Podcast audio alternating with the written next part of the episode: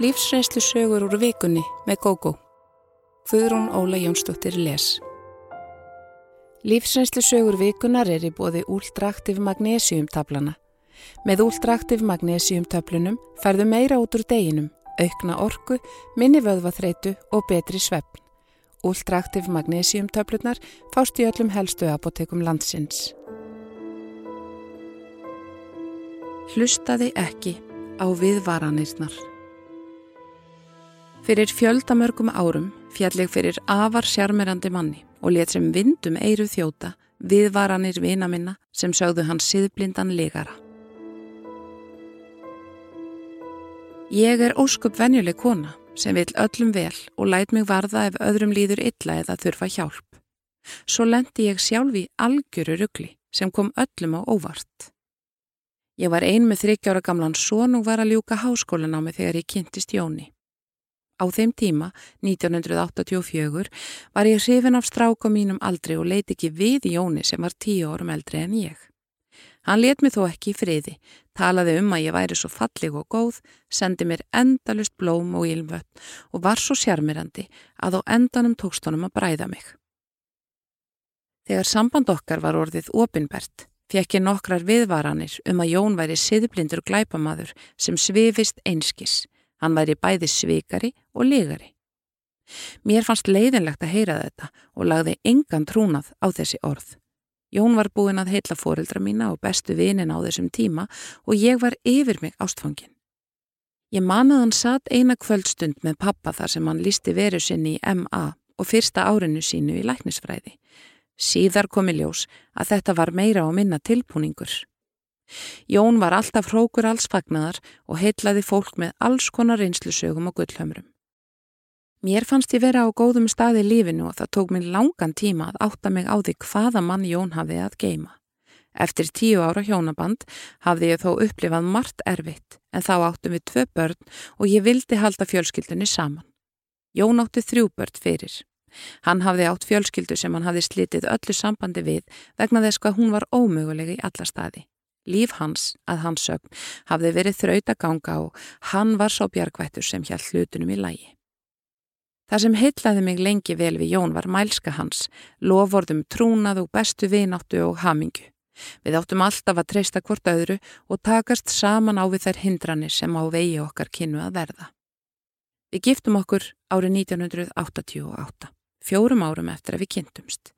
Í brúðköpinu held hann ræðu og lofaði mér trúnaði og treyð. Alls urðu árin okkar saman 20 og 7. Allan þann tíma átti hann erfitt með að segja satt og rétt frá. Jón sagði mér að hann væri höfuð ættarinnar en fjölskylda hans samanstæði af grimmu og óvægnu fólki sem hann vildi sem minnst samband hafa við. Ég trúði honum og því voru samskiptin við fólkið hans nánast enginn til að byrja með en með tímanum breytist það sem betur fer.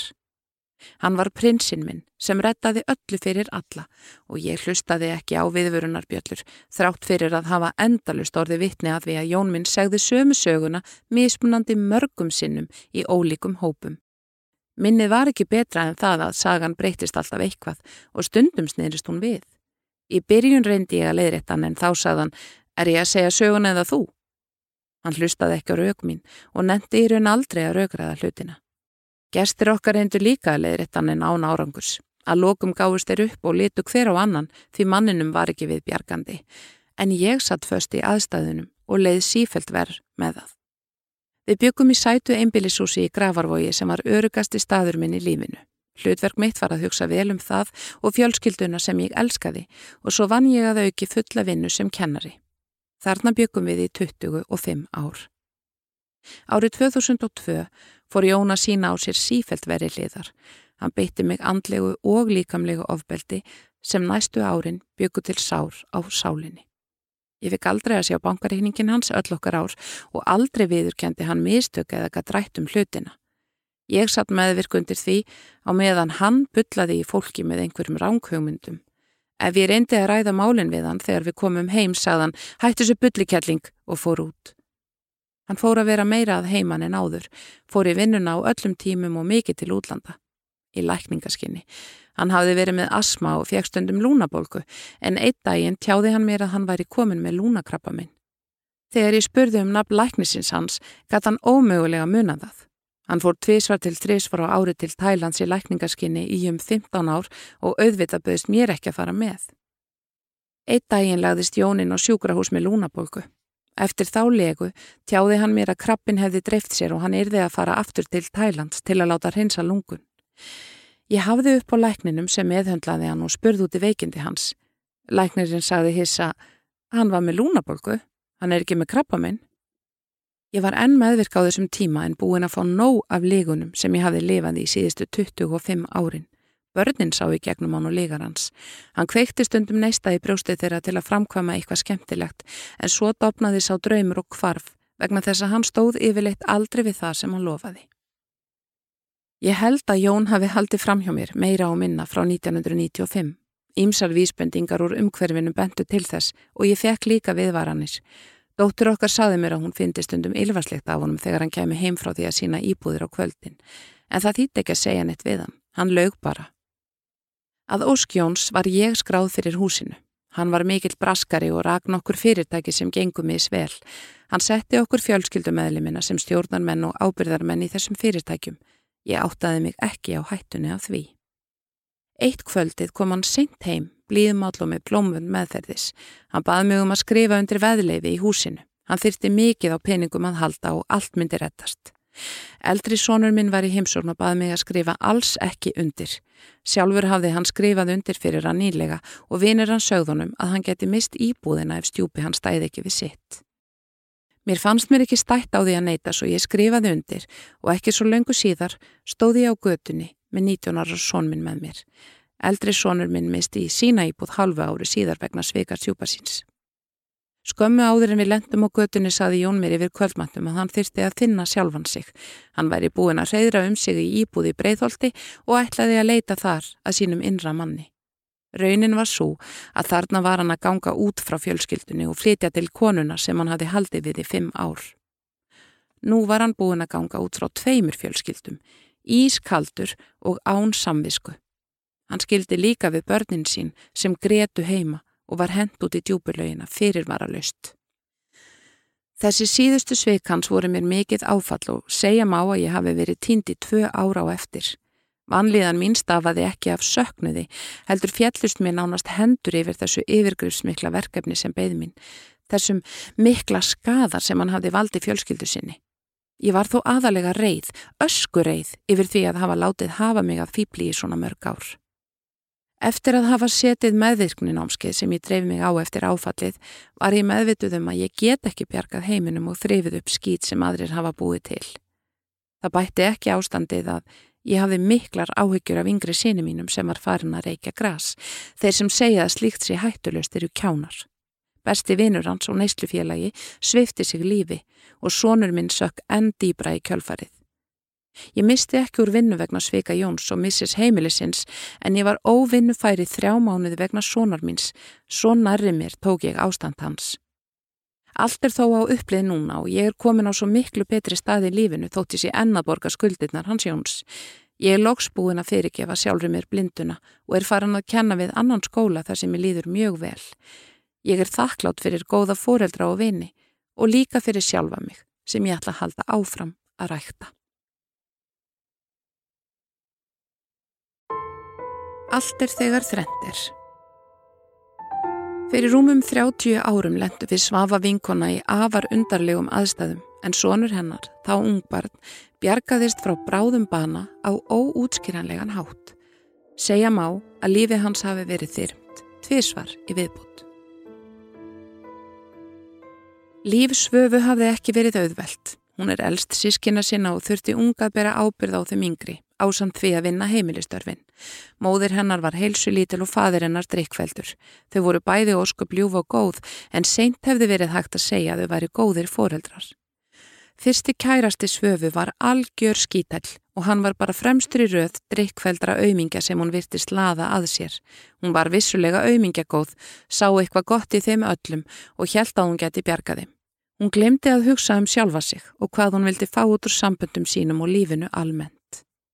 Það kom engum á óvart, nema kannski henni, þegar barsfæðir hennar yfirgaf hann á skömmu eftir að hún varð ófrísk. Hann hvaðist vilja lifa lífinu áður en hann færi að binda sig við konu og krakka. Hann var þó ekki allslæmur að sög svöfu því hann reyndi annars slægið að leta undir með þeim mækunum en á eigin fórsendum þó. Það var ekki fyrir en löngu setna sem hann endi að verja einhverjum tíma með badninu. Hann átti góða fóreldra sem reyndust enni mun betur en sonur þeirra. Við svafa kynntumst í gegnum samiðilega vini þegar hún var ófrísk. Mér líkaði strax vel við hana og það var gagkvæmt. Bakgrunnur okkar var svipaður nema ég ólst upp hjá einstæðri móður sem hafði haft vit á því að skilja við drikkveldan föður minn. Báðar voru við elstarsískina okkar og þurftum snemma að bera ábyrð. Í raun gerði það okkur meira sjálfbjarga. Við áttuðum okkur á því síðar. Þegar við komum út í lífið og þurftum að standa á eigin fótum, kunnum við að elda mat, þvó þvott og gera önnur heimilisverk og að gefast ekki upp við minsta mótlæti. Við vorum báðar 26 ára á þessum tíma og höfðum séðum okkur sjálfar frá 16 ára aldri þegar við fluttum að heiman. Svafa var alltaf í góðu skapi og það var gaman að vera í návistennar. Það laðaði staðinni alls konar fólk sem vildi baða sig í þeirri smitandi gleði og góðsemi sem hún veitti en það sama fólk af kannski lítið á móti. Hún kunni ekki aðferðina við að losa sig við þannig fólk en eftir að við kynntumst reyndi ég að aðstóða hana við það. Auðvitað var hún byllandi meðvirk og hafði lítið sjálfströst sem ég áttaði mig á þegar ég hafði kynstinni betur. Við urðum strax og nánar og góður vinkonur að hún baði mig um að vera viðstata fæðingu bassins. Það gerði ég og svo fallega stund sem fæðingin var gerði okkur enn nánari. Sónurinn kom í heiminn, flottur og fallegur og hefur frá uppafi átt sérstakann staði hjarta mínu. Svafa legði litla íbúð í vestubænum. Ég bjó í miðbænum og vann í vestun í grendi heimili mitt.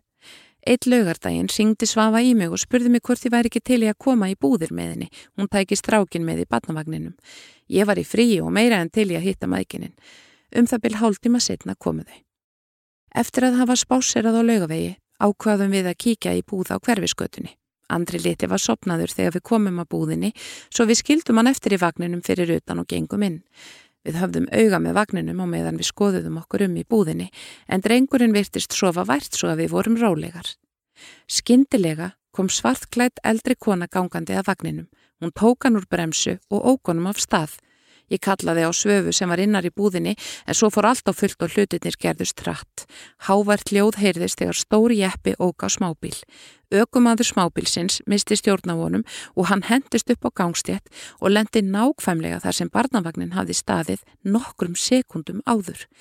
Ég leiti hliðar og sá að vagnin stóð fyrir framann húsi við hliðina en svarklæta konan var hverki sjáanleg. Við svafa vorum báðar farnan að öskra af skjelvingu og þautum út úr búðinni. Andri hafði vaknað við háaðan og greten. Það var allt í lægi með hann. Áreiksturinn hafði ekki verið harður og bílarnir tveir líti skemdir. Litli bílinn snertu þó húsið en greinilegt var að ef barnavagnin hefði verið þarna, hefði illa farið.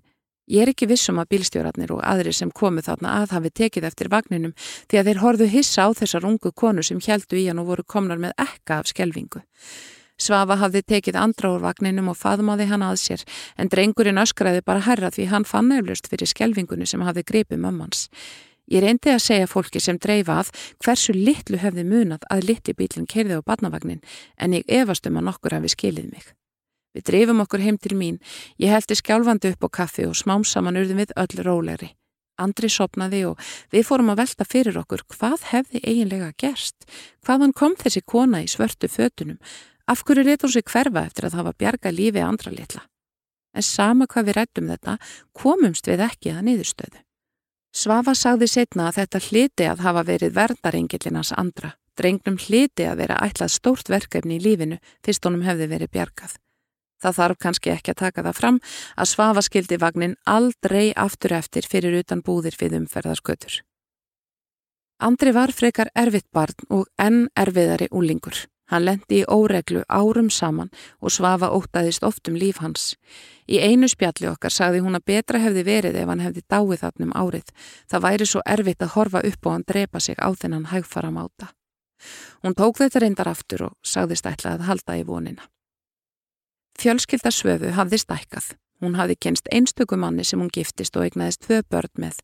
Hann stóð eins og klettur við bakið á henni meðan á þessu stóð. Andri ákvaða snúa aftur til lífsins en það þurfti fangilsisvist til þess að hann sæja að sér. Hann var komin á götuna og stala öllu steini léttara til að eiga fyrir mat og dópi. Hann fekk skilórspundna dóma en rauði sífellu skilór þar til honum var stungið í steinin sem var til að vekja hann. Svafa hafði lengi talað um að það þyrti lokaða meðferð því Andri gekk alltaf út úr meðferðum án þess að klára þær. Hún var hægt að trúa því að hann væri bara ekki búin að finna botnin eða þyrti að vilja þetta sjálfur eins og hennum var sagt. Hann var í raun við dauðan styr þegar hann fór í fangilsið. Kanski var fangilsið botnin hans, saði ég við svöfu, en hún segir enn eftir þessa reynslu að sama meðferðarúræðið hendi ekki öllum og fyrst Andri hafi ekki geta gengið út úr fangilsinu hafi hann orðið að gera eitthvað í sínu málum. Andri dreif sig í skóla og bjó heima á meðan að lög stútinsbrófi. Hann fekk fína vinnu hjá frænda sínum og framtíðin blasti við honum. Hann var orðin þrítugur, átti kærustu og hafði nýlega eignast dóttur þegar hann greindist með krabbaminn. Sem betur fer hafði hann betur og nú eru komin hátt í tíu ár síðan hann var útskrifaður. Svafa hefur reglulega sagt andra söguna af svarklætu konunni sem bjargaði lífi hans og að einhver ástæða hljóti að hafa verið fyrir þessu. Hann hljóti að hafa stórt hlutverk í lífinu. Andri hlær bara aðinn og segist ekki vera manneskjan sem muni finna upp lækningu við krabbamenni en kannski verði dóttirinn til þess. Hún er eina barn andra. Stelpan er afar efnileg og hver veit nema lífið föður hennar hafi verið bjargað í bersku til að hún geti gert heimina betri stað. Svafa er trúið á eitthvað slíkt. Þótt ég sé meiri evasemdar manneskja mótmæli ég ekki harkalega. Ég get ekki glemt þessu ótrúlega atviki á hverfiskötunni fyrir rúmum 40 árum. Nú hefur líf andra verið í hættu þrísvarsinnum en vonandi verður hann karla elstur og að óhætt sé að segja allt er þegar þrendir.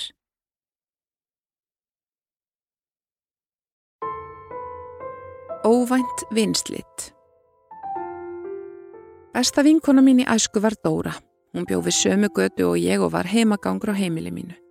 Eitt daginn var henni bannað að umgangast mig vegna nokkur sem foreldrar mínir áttu að hafa gert. Ég var þryggjára og bróður minn fimm þegar við fluttum á neðri hæðina í tvíbilishúsi við rólega götu í heimabænu mínum. Þar byggum við næstu tólf árin. Áður höfðum við búið í lítilli íbúðin eftir að pappi fór á sjóin tókst fjölskyldunni að stækka við sig.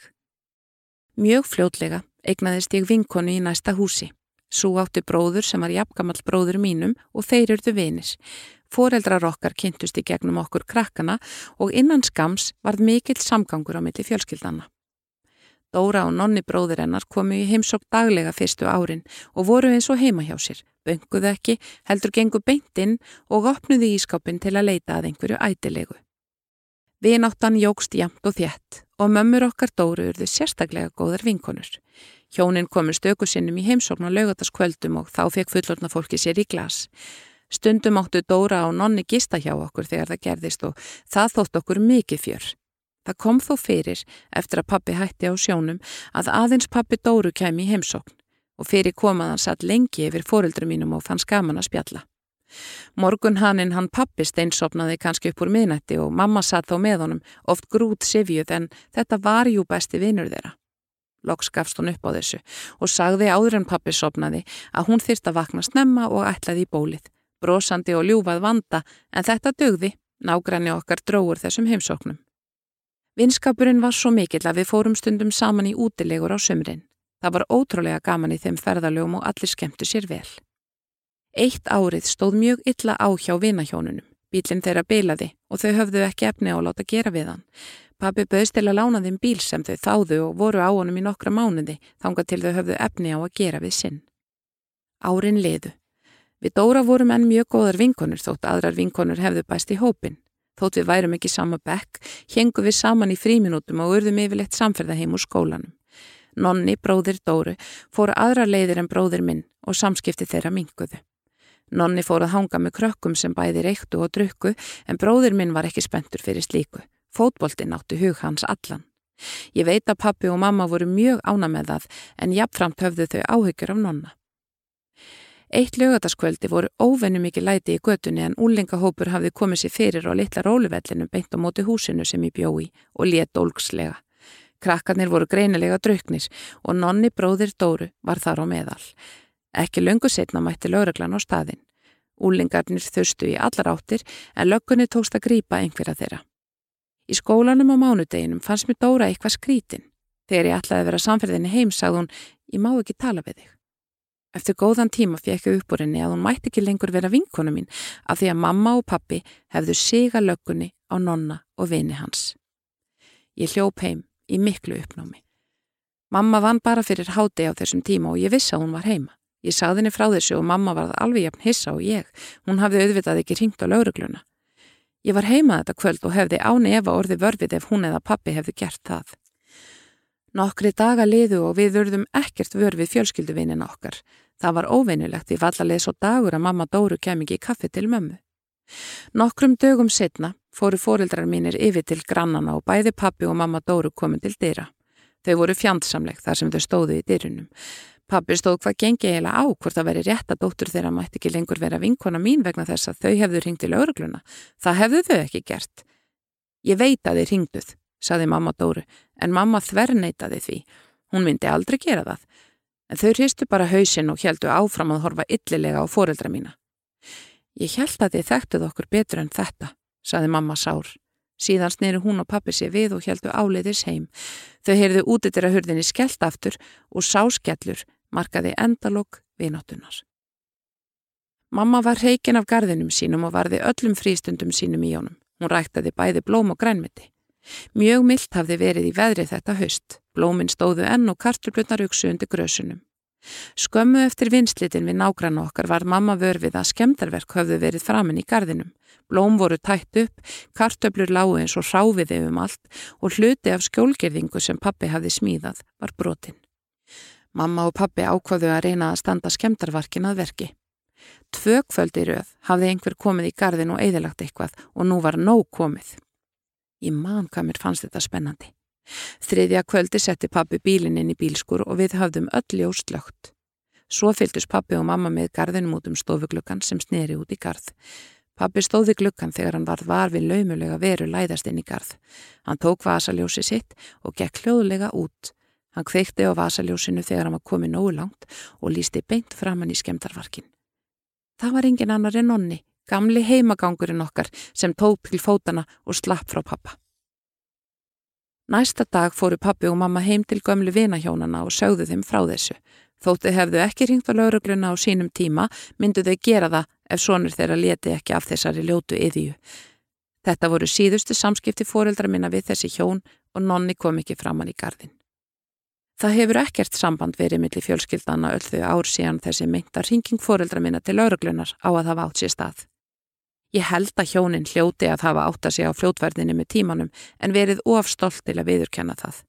Þau mistu þarna sína bestu vini vegna óstaðfest grunns og í stað þess að spyrja fóreldra mína ákvaðu þau bara að þeir hefðu ringt til laurugluna. Aldrei heyrði ég pappa og mömmu segja stigðar yrði um þessi hjón, kvorki fyrir nýja eftir vinslitin. Ég veit að mamma saknaði þeirra því samskiptin voru svo mikil og hún held að vináttan væri sterk. Líklega var hún bara sterk af hennar og pappahálfu. Fóreldrar mínir eiga marga góða vini og enginn þeirra hefur sínt af sér framkomu á borð við þessa.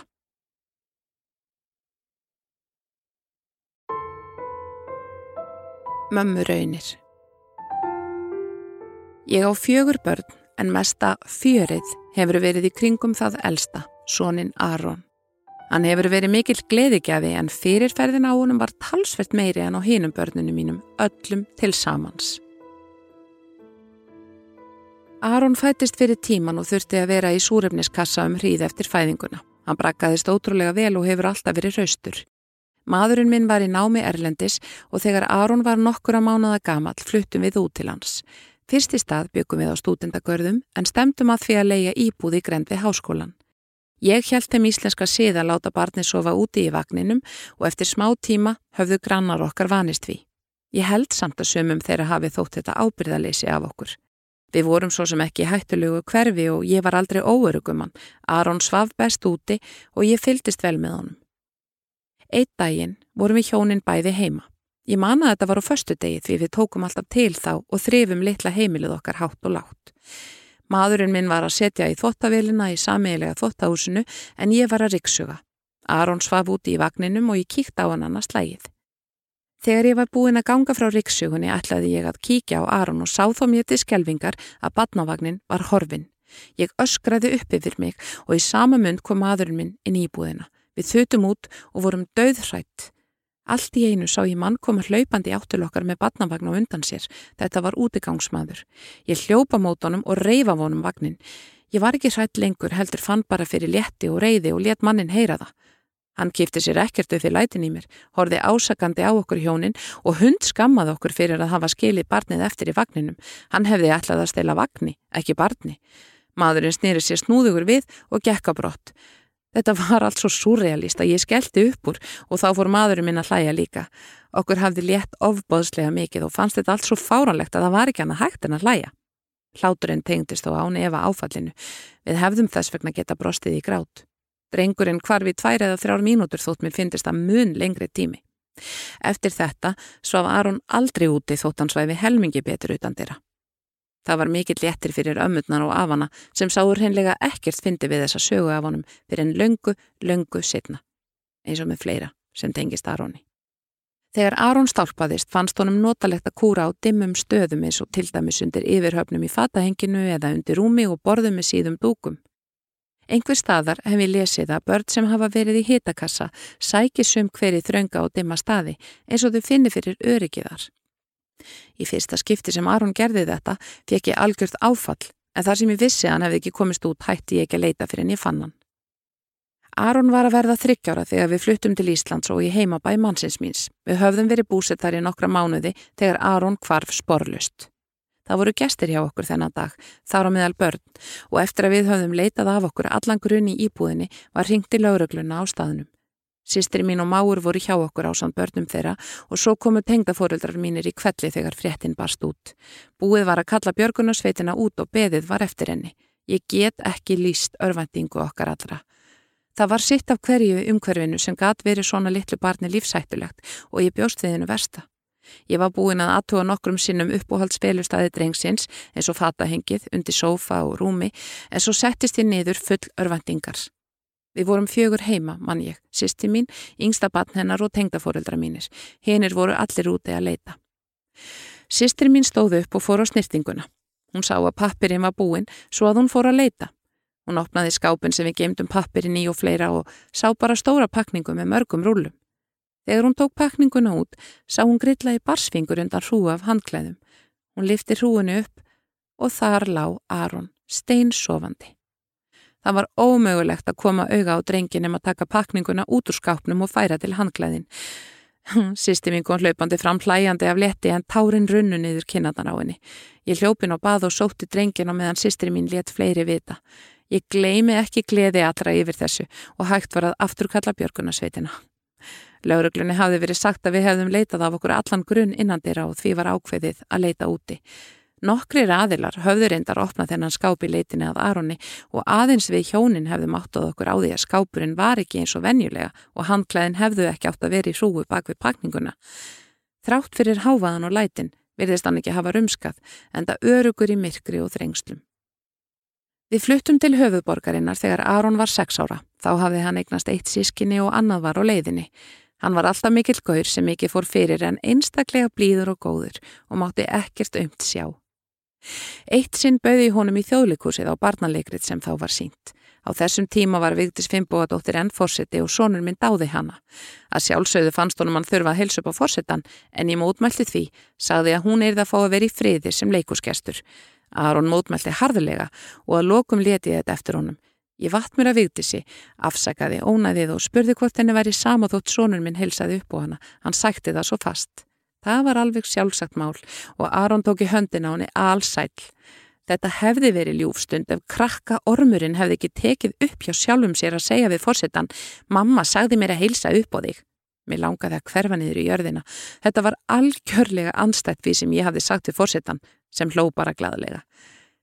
Þegar ég spurði Aron af hverjan hefði sagt þetta sagði hann undrandi Já, en þú sagði mér að tala við hana. Mér var ekki skemmt þarna en fljóðlega gæti þú farið að hlæja þessu. Þetta var ekki fyrsta og ekki annarskipti sem hann sagði eitthvað sem mér fannst óþægilegt, en yfirleitt gæti skellilegið að því eftir á. Aron var vinnmarkur í skólanum, passaði jamtinn í hóp vinsalukrakkana og þann sem inni hjælt þá sem voru utangarðs. Ég verða láta fylgja með sögu af honum þar sem vináta hans var yllilega miskilinn.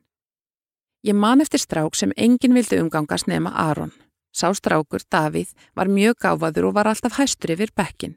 Félagslega gekk honum illa og ef Aron hefði ekki verndað hana á sinn hátt, hefði hann efa orðið skotspót meiri stríðni, jafnvel eineltis.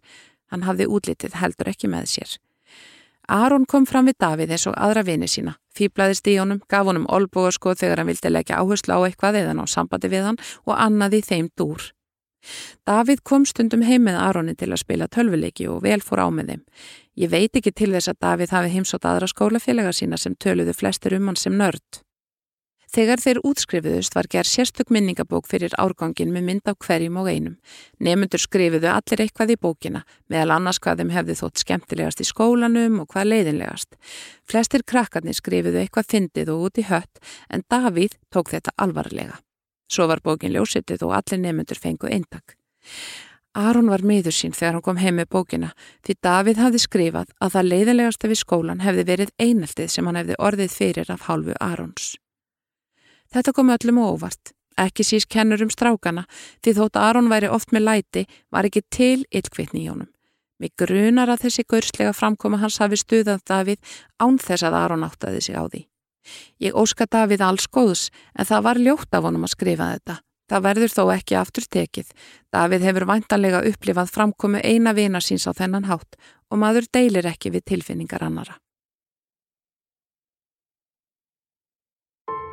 Drauma húsið okkar Fyrir mörgum árum keftum við hjónin gamalt hús.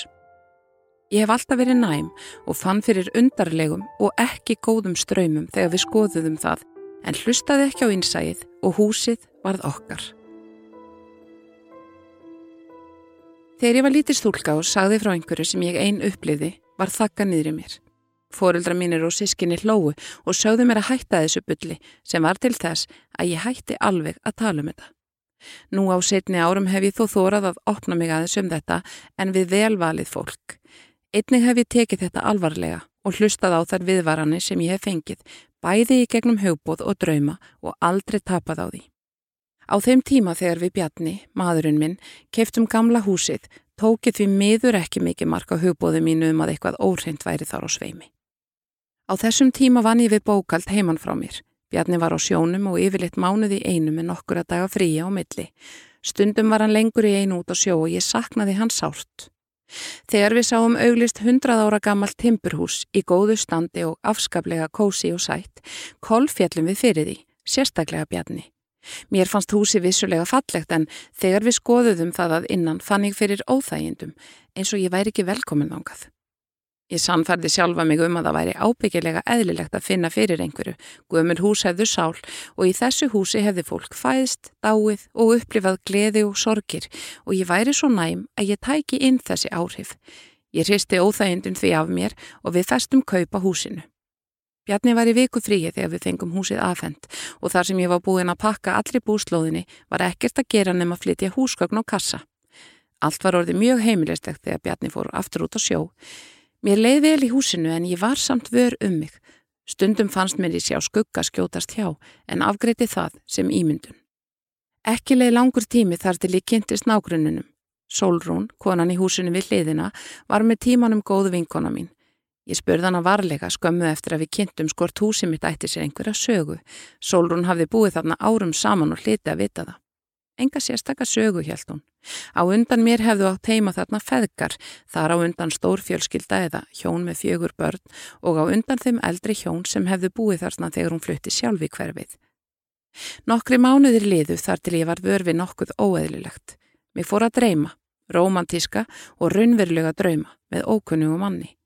Mér fannst þessi ókunni maður vera til en að hann væri af öðrum heimi. Hjónaband okkar bjarnar var í góður lægi og mér leið svo litið eins og ég væri að svíkjan þótt ég gæti ekki að þessu gert og ég óskaði ekki eftir svona draumum. Í kjölfarið fór ég að sjá þennan mann eða öllu heldur draug í vöku. Fyrst sá ég móta fyrir honum á efrihæðinni við eldúsið en þar hjælt hann sig mestmægnis og sá hann sífælt skýrar. Hann byrjaði fljótlega að sína af sér ógnandi framkomi bæði í vöku og draumi. Ég hætti að þóra að sofa á efrihæðinni, fluttir umföðin mín niður í stofu og svaf þar draumlöst á meðan ég var einn. Ég fekk algjöran frið á meðan Bjarni var í landi.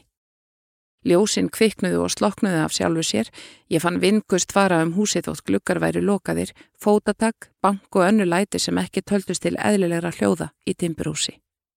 Það hefði verið gott að geta leta af sér við einhvern en ég vildi ekki vera álitinn klikkuð. Bjarni hefði sprungið úr hlátri ef ég hefði reynd að segja honum að ég væri ásótt af draugi í drauma húsin okkar. Ég hugsa að ég hefði geta að lifa með þessu ef draugurinn hefði gjörðið illskeittari. Eitt kvöldi þegar Bjarni var nýfærin út á sjó og ég hafði lokið við að vaska upp eftir kvöldmatinn, fannst mér andrumsloftið þrungið óvenju mikilli ilsku svo ég ákvaði að drífa mig strax niður frekar en að horfa á sjónvarpið. Þá fann ég allt í einu hendur á bakinu á mér þrýsta á mig og rinda mér af alefli að steganum. Ég reyndi að grýpa í handriðið en tókst ekki, svo ég rúlaði niður allar tröppurnar. Ég öskraði svo hátt að sólrún í næsta húsi kom hlaupandi yfir. Ég gatt mig hverki hreift, svo hún ringdi á sjúkrabíl sem flutti mig á spítala. Læknirinn sagði að ég væri óbrotin en það hafði blætt inn á hvern einasta vöðva líkamanns. Solrún sagði mig setna að hún hafi haldið að Bjarni væri að berja mig. Þá fekk ég hláturskart við það er ekki til ofbeldi í Bjarna og ég sagði henni það. Þetta gati ekki haldið svona áfram. Ég varð að gera eitthvað. Ég vissi af presti sem var hallur undir spiritisma, ringdi hann og baðan um að særa draugin út eða eitthvað slíkt. Hann var svo elskulegur að samþykja þetta og mætti í fullum skrúða heim til mér nokkrum dögum setna. Presturinn sá móta fyrir drauginum í eldúsinu en eftir að hafa beði bænir í smá tíma sagðan að þetta væri ofsterk öll fyrir hann. Næstu daga var ekki flóa friður fyrir nágrunum sem komu til að forvitnast um prestin. Allir voru vissir um að einhver hefði dáið. Ég laug einhverju sæmilega sennilegu því ég treysti mér ekki til að segja sannleikan. Ég hafði næst samband við sálaransóknarfélag og var bent á ungan mann sem þótti afar sterkur miðill. Hann samþykti að koma og var valla komininn úr dyrunum þegar hann virti skilja hvað var í gangi. Hann sagði mér að fyrir mörgum áratugum hefði sá afturgengni vilja kaupa húsið en ekki fengið sem gerðan ævan af reyði. Svo virtist sem Karlinn hafi samtflutt inn í það, eftir dauða sinn. Mögulega hafði hann reynd að gera vart við sig í gegnum tíðina en líklega ekki tekist það fyrir nýjegflutti í húsið. Miðillin bað mig síðan um að fara út og vera í burtu í nokkra klukkutíma. Þegar ég kom heim aftur sá ég að hann hafði teiknað myndir með ýmsum skrítnum minstrum og rúnum og límt á vekkina viðsvegar um húsið. Mér fannst þetta allt saman mjög förðurlegt en þakkaði miðlinum kærlega fyrir. Ég svafa rótt næstunótt og þegar ég vaknaði sá ég að teiknuðu myndirnar voru hornar, hver ein og einasta. Það er mér enn hulin ráðgata hvað varð um þær. Húsið harðlæst og ég ein heima. Miðillin hafði varað mig við því að draugurinn gæti komið aftur en ég yrði að vera hörfiðan og rekan í burtu. Það gerðist viku setna. Mér dreymdi að hann kæmi inn í herbyggi mitt. Ég var þá farin að sofa á efrihæðinni og fannst hann gangaði rúminu mínu. Hann var ógnandi og með hendurnar útréttar eins og hann ætlaði að kirkja mig. Ég myndi eftir ráðu miðilsins og sagði reyðilega að þetta væri húsi mitt, hann yrði að fara og láta í friði. Eftir nokkra mæðu virðir sem ormin hafi náð til hans því hann fór út úr herbyrginu og ég varði ekki vör við hann framar. Ungi miðillin rjast af slísfurum ári setna. Ég hafði alltaf ætlað mér að spyrja nútið það sem hann gerði í húsinu en gafst ekki færi á því. Alla tíð veri ég honum þakklátt fyrir hjálpina. Nokkru síðar seldum við bjarni húsið og keiptum annað sem var ekki bara nýra, heldur umbetra og þægilegra. Við höfum búið þar síðan og það er draumahúsið mitt. Þegar við vorum búin að flytja allt ótið úr gamla húsinu og þrýfa það, skellti ég í lás og fann ekki fyrir neinum tilfinningum, kvorki létti, nýja söknuði. Húsið var einhvern veginn algjörlega dögt fyrir mér, þrátt fyrir að ég hafi búið þar í sjö ár. Fyrir skömmu tók Bjarni eftir því að gamla húsi var komið á sölu og spurði mig hvort við ættum ekki að minga við okkur og kaupa aftur húsi sem okkur leið svo vel í. Ég sagði að þá er þið hann að flytja þangað einn, það kæmi ekki til greina. Ef við flyttum er þið það aldrei í þetta hús og þannig verður það. Þú varst að hlusta á lífsreynslusögur úr vikunni með GóGó í lestri Guðrúnar Óli Jónsdóttur og framleiðslu Storysight árið 2020. Höfundaréttur Vikam